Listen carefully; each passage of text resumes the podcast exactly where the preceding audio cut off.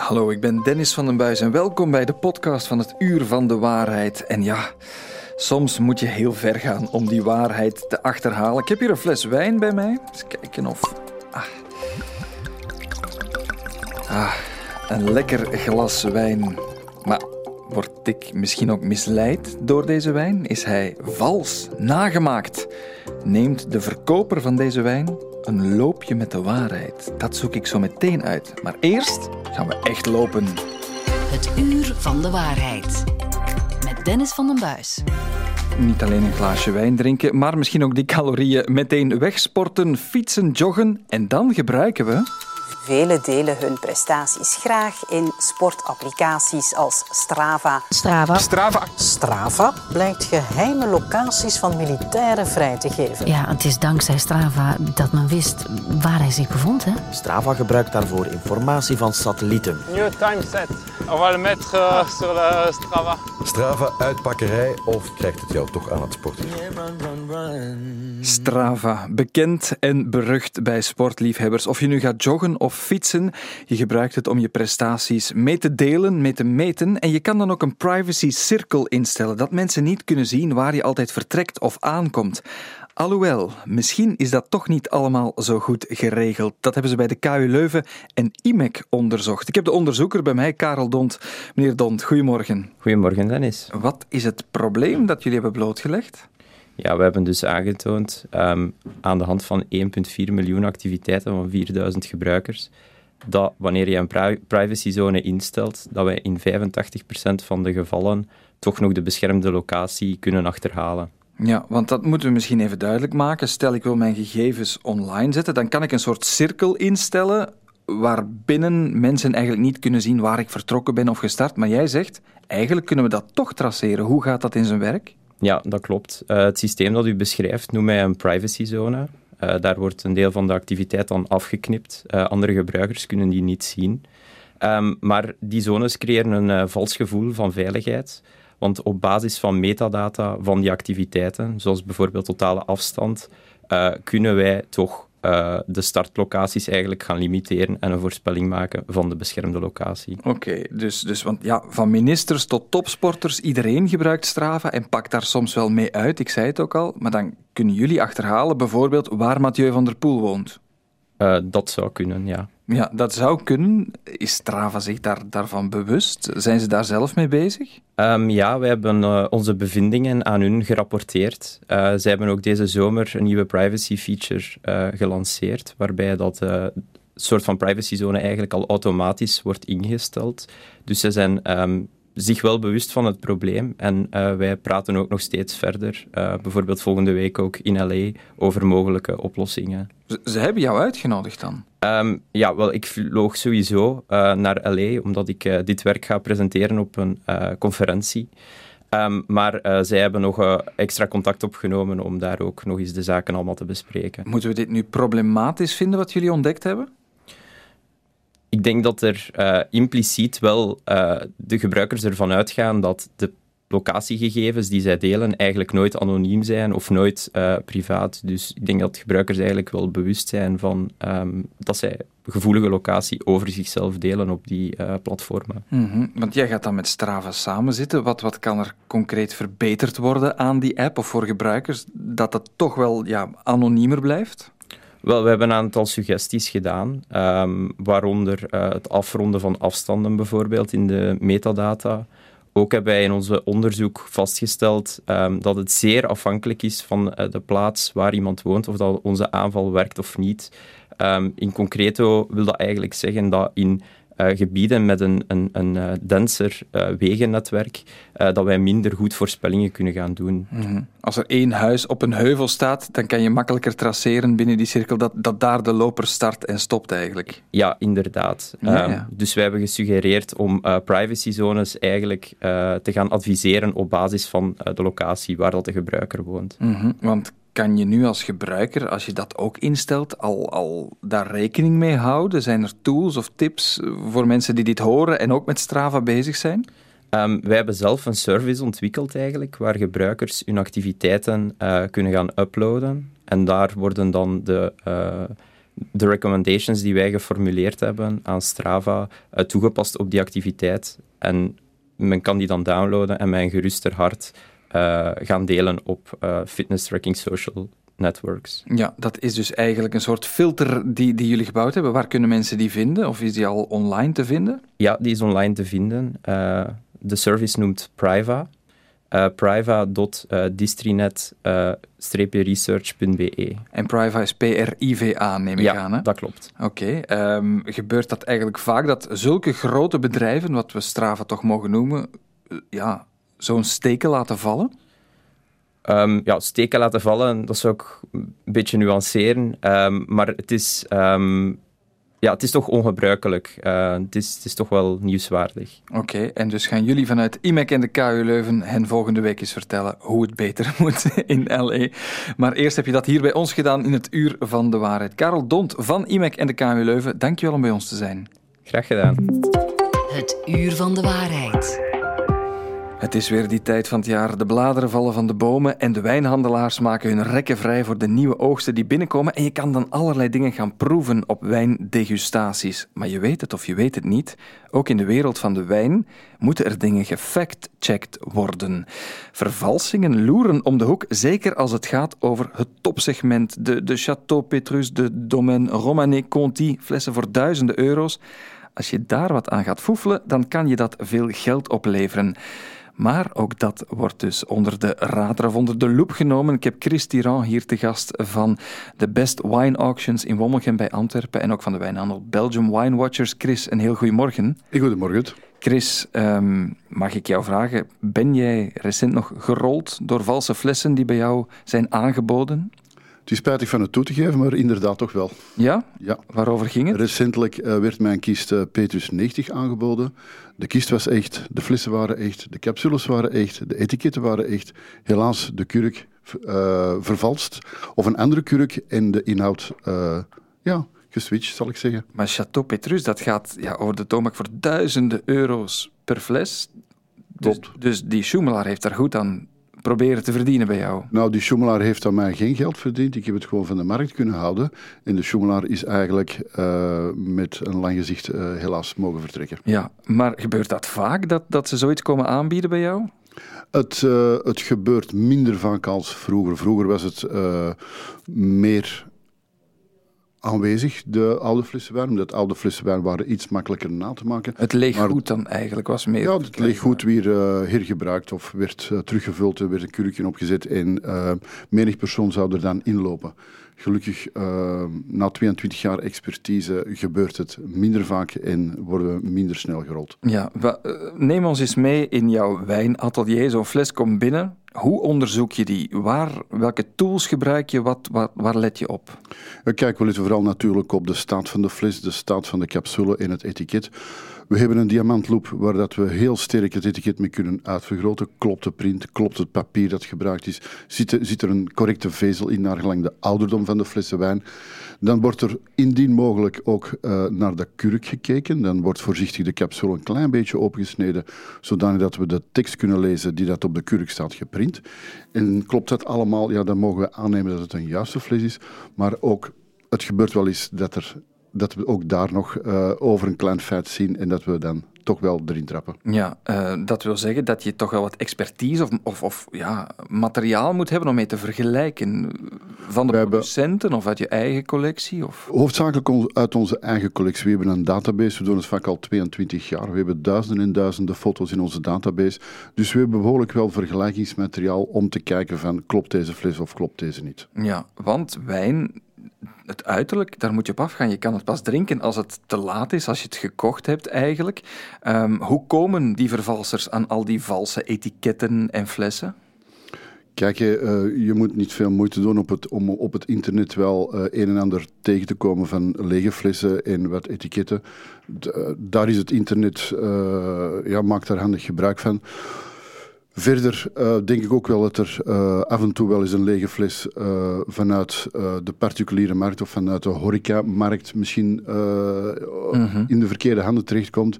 En dan wordt er al gauw gedacht van kijk, we doen er terug wat druivensap in en we zetten het terug op de markt. Ja, want dat leeggoed is dan heel gegeerd, kan ik me voorstellen. Ik heb begrepen dat er ook mechanismen zijn om tegen te gaan dat die lege flessen terug in, op de markt komen. Ik heb recentelijk vernomen dat er vanuit Duitsland een handel is die zegt van kijk, als u nog uh, nieuwe wijnen bij me wil kopen van dit topsegment, dan moet u kunnen aantonen dat ofwel de oude wijnen verbruikt zijn door ze, doordat de flessen kapot zijn gemaakt, of door fotomateriaal, of door te laten zien dat ze inderdaad nog in de kelder aanwezig zijn. Ja, en anders krijg je gewoon geen nieuwe flessen. Anders kan je je allocatie verliezen. Ja, dat gaat best wel ver, want zijn die wijndomeinen zelf daar ook hard mee bezig? Het is ook imago-schade als dat voorvalt? Of ja, kijk, je, de, de wijndomeinen proberen natuurlijk sterker en sterker uh, tegen te gaan dat dit gebeurt. Ze werken nu bijvoorbeeld met QR-codes.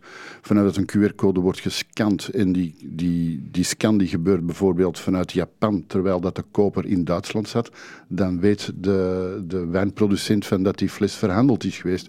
En dan is de kans heel groot dat die persoon zijn allocatie verliest. Ja, het, het zijn ook bedragen die tot de verbeelding spreken. Hè. Duizenden euro's voor één fles wijn, terwijl het maar gegist druivensap is, kan je zeggen. Ja, dat, dat, dat nodigt misschien heel hard uit ook tot gesjoemel bij een product dat je maar kan testen als je het proeft. Ik denk dat het, dat uh, in, iedere, in, in, in ieder product wel uh, een parallelmarkt bestaat die dat, uh, waar dat in gesjoemeld wordt. Dat gebeurt bij, bij gsm's, dat gebeurt bij auto-onderdeel. Dus overal waar dat geld verdiend wordt, heb je wel mensen die dat denken slim genoeg te zijn om uh, het handeltje te gaan vervalsen. -hmm. Ja, je sprak daarvan van Japan en, en andere werelddelen. Jij werkt vanuit de regio Antwerpen. Wie zijn jouw klanten? Waar komt dat allemaal terecht?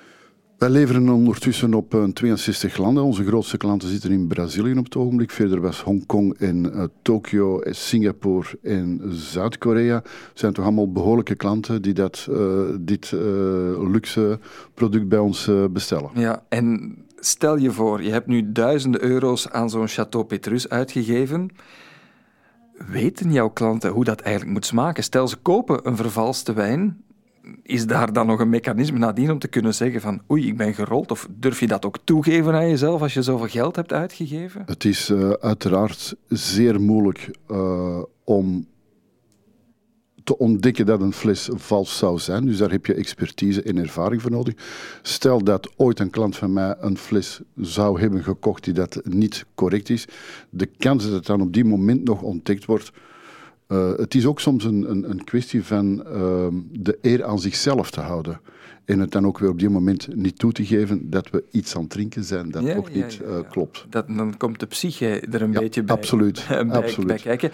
Eh, je spreekt over die geschiedenis van wijnen, dat dat goed moet bijgehouden worden, wat waar zit. Hebben al die dure flessen dan ook een soort van stamboom van waar ze komen, wie ze ooit gehad heeft? Wordt dat gedocumenteerd?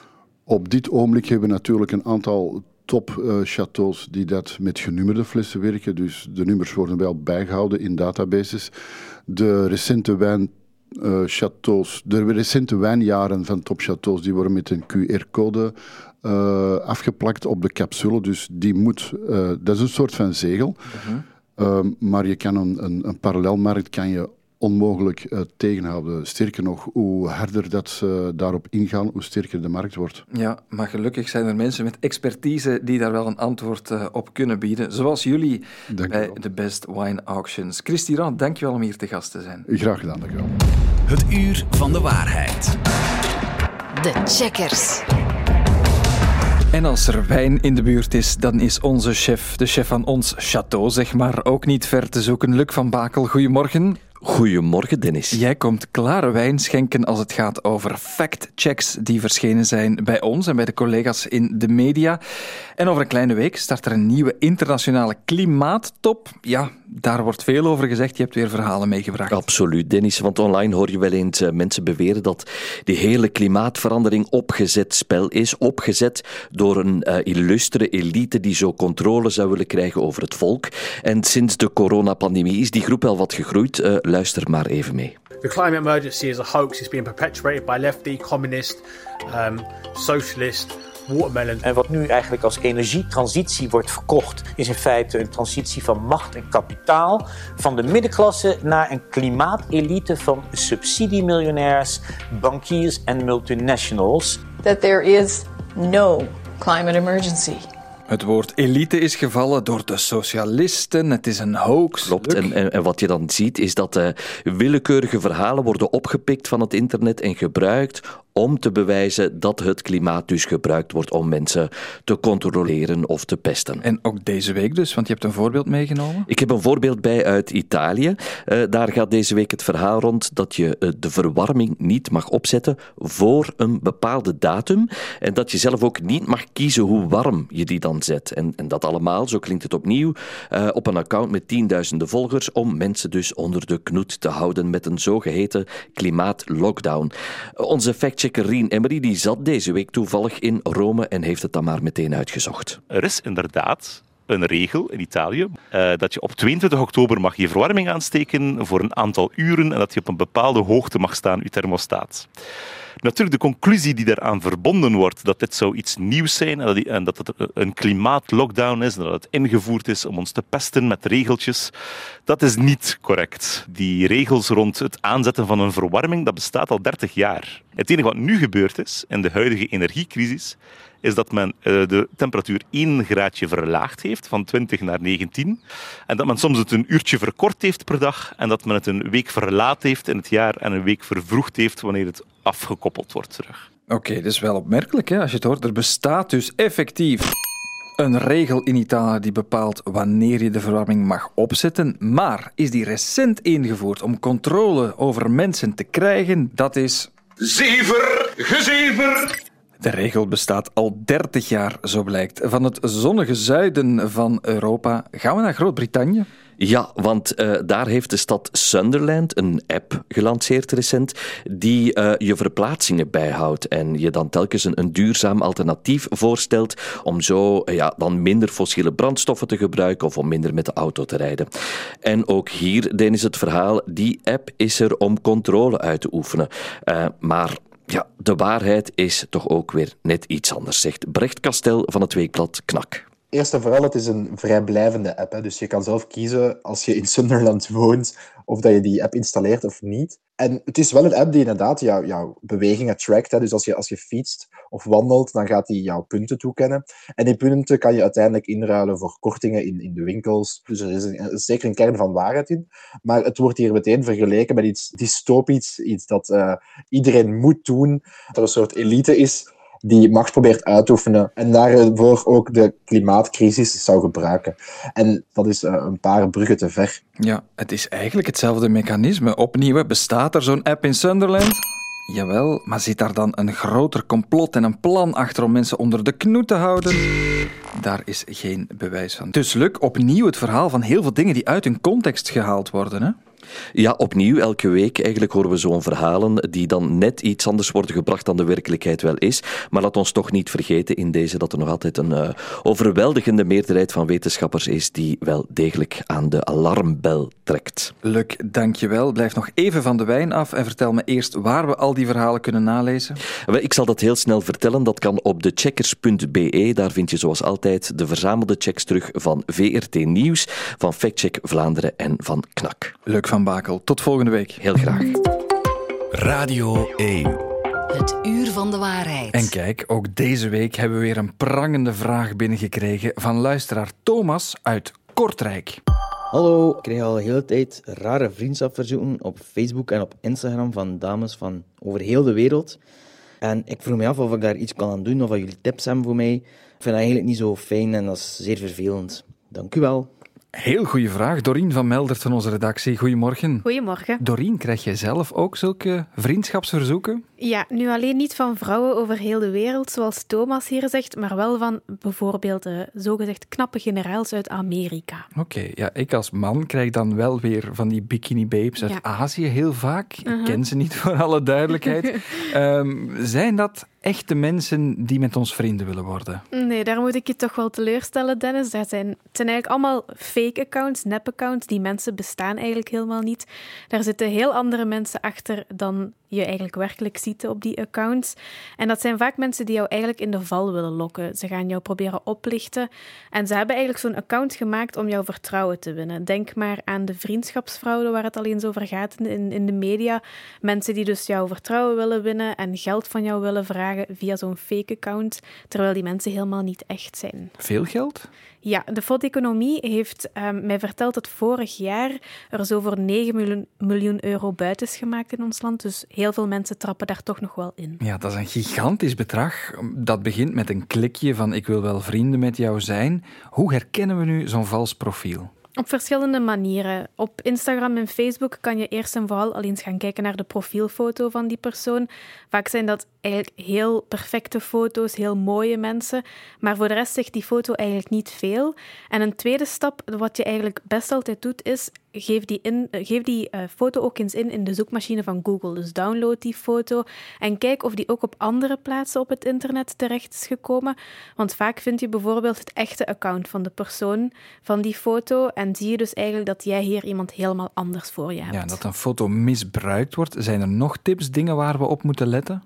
Zeker, ga ook eens kijken naar de vrienden van dat profiel. Vaak zien die accounts er ook eigenlijk heel afgelekt en perfect uit en kan je er dus ook al van uitgaan dat dat fake accounts zijn.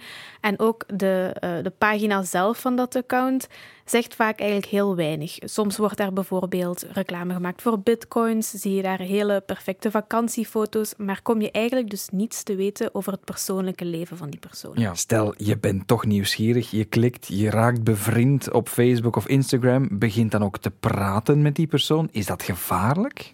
Ja, potentieel wel. Hè. Denk maar aan die vriendschapsfraude waar ik het daarnet aan had. Veel mensen gaan dan toch in de val lokken. Uh, na een tijdje vragen die profielen jou ook geld, vragen ze om hulp, vaak dus financiële hulp. Trap daar zeker niet in.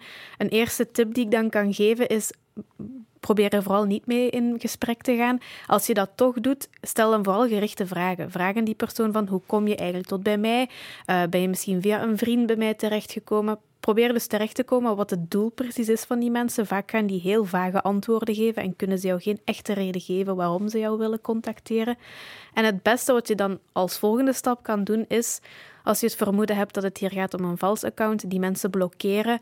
En je kan ook via Facebook en Instagram dergelijke accounts rapporteren als een vals profiel. En dan gaan die platformen normaal gezien die profielen weghalen. Ja, goede tip. Maar dan is het al zover. Ik denk dat de meeste mensen totaal niet lastiggevallen willen worden met van die nep-accounts die je vriendschap vragen. Kunnen we dat vermijden? Ja, op Facebook kan je bijvoorbeeld de in, voor de instelling kiezen dat alleen maar vrienden van jouw Facebook-vrienden je een verzoek kunnen sturen. En daarmee vermijd je dus dat al die random en anonieme accounts tot bij jou terechtkomen. En op Instagram kan je bijvoorbeeld ook eigenlijk dezelfde instelling voor jouw chatberichten gebruiken. Namelijk dat alleen jouw eigen volgers jou een chatbericht kunnen sturen of een volgverzoek kunnen sturen. En dus niet mensen die jou nog niet volgen. En zo kan je dus een soort filterdam opwerpen tegen die valse profielen. Iedereen kent het wel. Laten we hopen dat er niet opnieuw mensen zijn ingetrapt. Jouw tips kunnen helpen. Dorien van Melder, dankjewel. Graag gedaan. Radio 1. Alles begint bij luisteren. Een heel interessante stelling. Heb ik zelf in mijn macht wat ik doe of laat, bijvoorbeeld dat glas wijn inschenken of een koffie eerder op de dag? Of heb ik die beslissing genomen dat ik gestuurd word door de bacteriën in en op mijn lichaam? Het klinkt van de pot gerukt, maar de wetenschap is daar echt mee bezig. En ook onze collega Peter Brems. Peter, een heel goedemorgen. Goedemorgen. Peter, um, zijn er voorbeelden dan echt van bacteriën die sturen hoe wij denken? Kan dat? Ja, daar is echt wel onderzoek naar. Uh, dat heet dan het gut-brain onderzoek, het darm-brein onderzoek. En die, die wetenschappers die daarmee bezig zijn, die vinden echt ongelooflijk fascinerende dingen over hoe die darmbacteriën invloed hebben op de dingen die gebeuren in ons brein, over de, de vreemde interacties tussen die twee. Het is eigenlijk allemaal begonnen door onderzoek bij muizen. Uh, waar ze stoelgang, darmflora, waar heel veel bacteriën in zitten, van een, een depressieve of een angstige muis namen. Die stoelgang werd dan uit die muis gehaald en die werd dan getransplanteerd naar de darmen van een normale muis die geen angstig of depressief gedrag vertoont. Je kan natuurlijk niet vragen aan een muis hoe ze zich voelt, dus het is altijd gedrag hè, bij de muizen. En wat zagen ze dan? Als je die stoelgang transplanteerde van de angstige of depressieve muis naar de, de gewone muis, dan begon die gewone muis, de, de ontvangende muis, ook meer angstig of depressief gedrag te vertonen. Dus eigenlijk alsof je gedrag van de ene naar de andere muis kon transplanteren. En niet toevallig de darmflora, dat is een, een, een epicentrum van bacteriën, maar dat toont dan eigenlijk aan dat je persoonlijkheid wel kan afhangen van hoe het met je darmflora en die bacteriën gesteld is. Ja, daar is dus ook onderzoek naar. Er blijken heel interessante connecties te zijn tussen die darmflora aan de ene kant en dan persoonlijkheidskenmerken aan de andere kant. Er zijn nog niet heel veel studies over.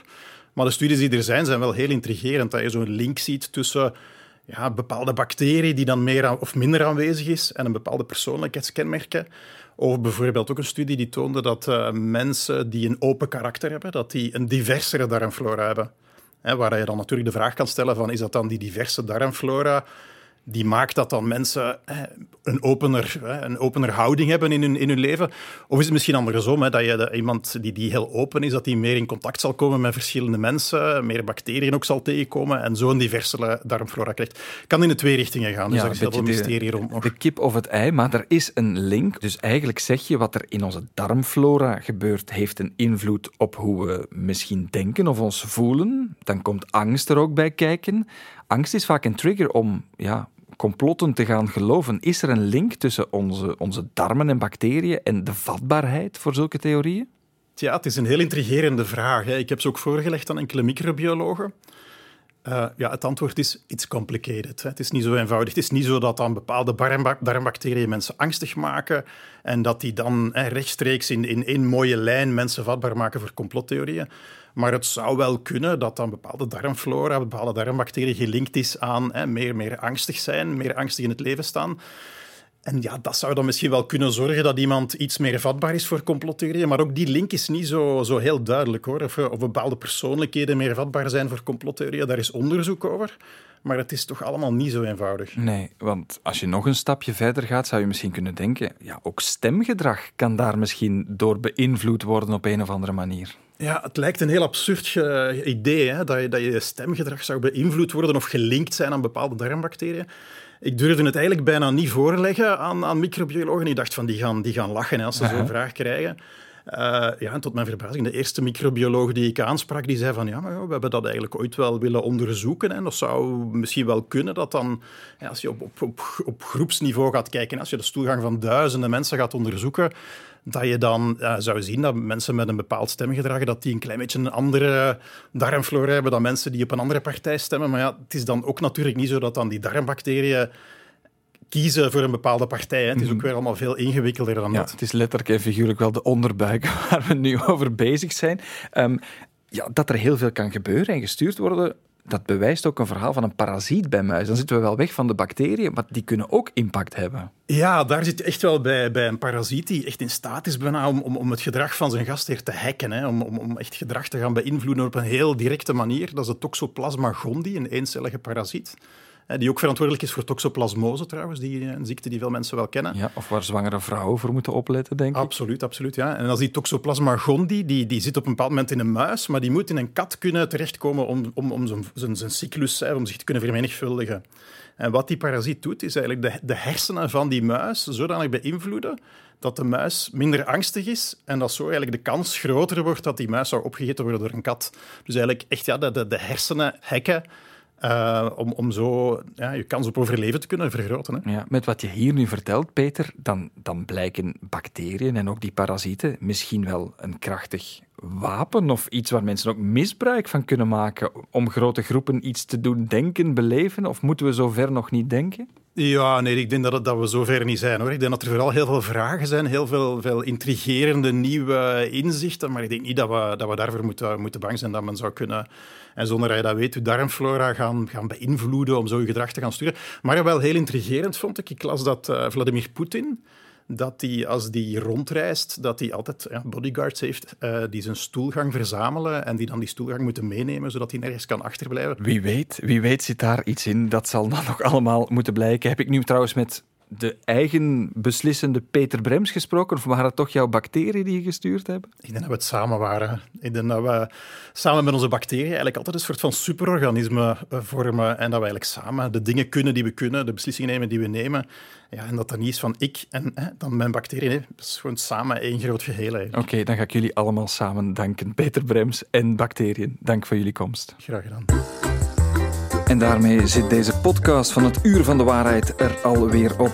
Dit superorganisme met al zijn bacteriën wil je nog aanraden om andere straffe podcasts en verhalen van de VRT te gaan ontdekken en beluisteren via de app van VRT Max. Je vindt er van alles, ook onze eerdere afleveringen. En dat is alles behalve. Fake news, fake news. There's never been an innovation that's so easy to do. They used to be lies, now they're alternative truths. So if you fake it with me, I'll fake it with you. Yeah. This song.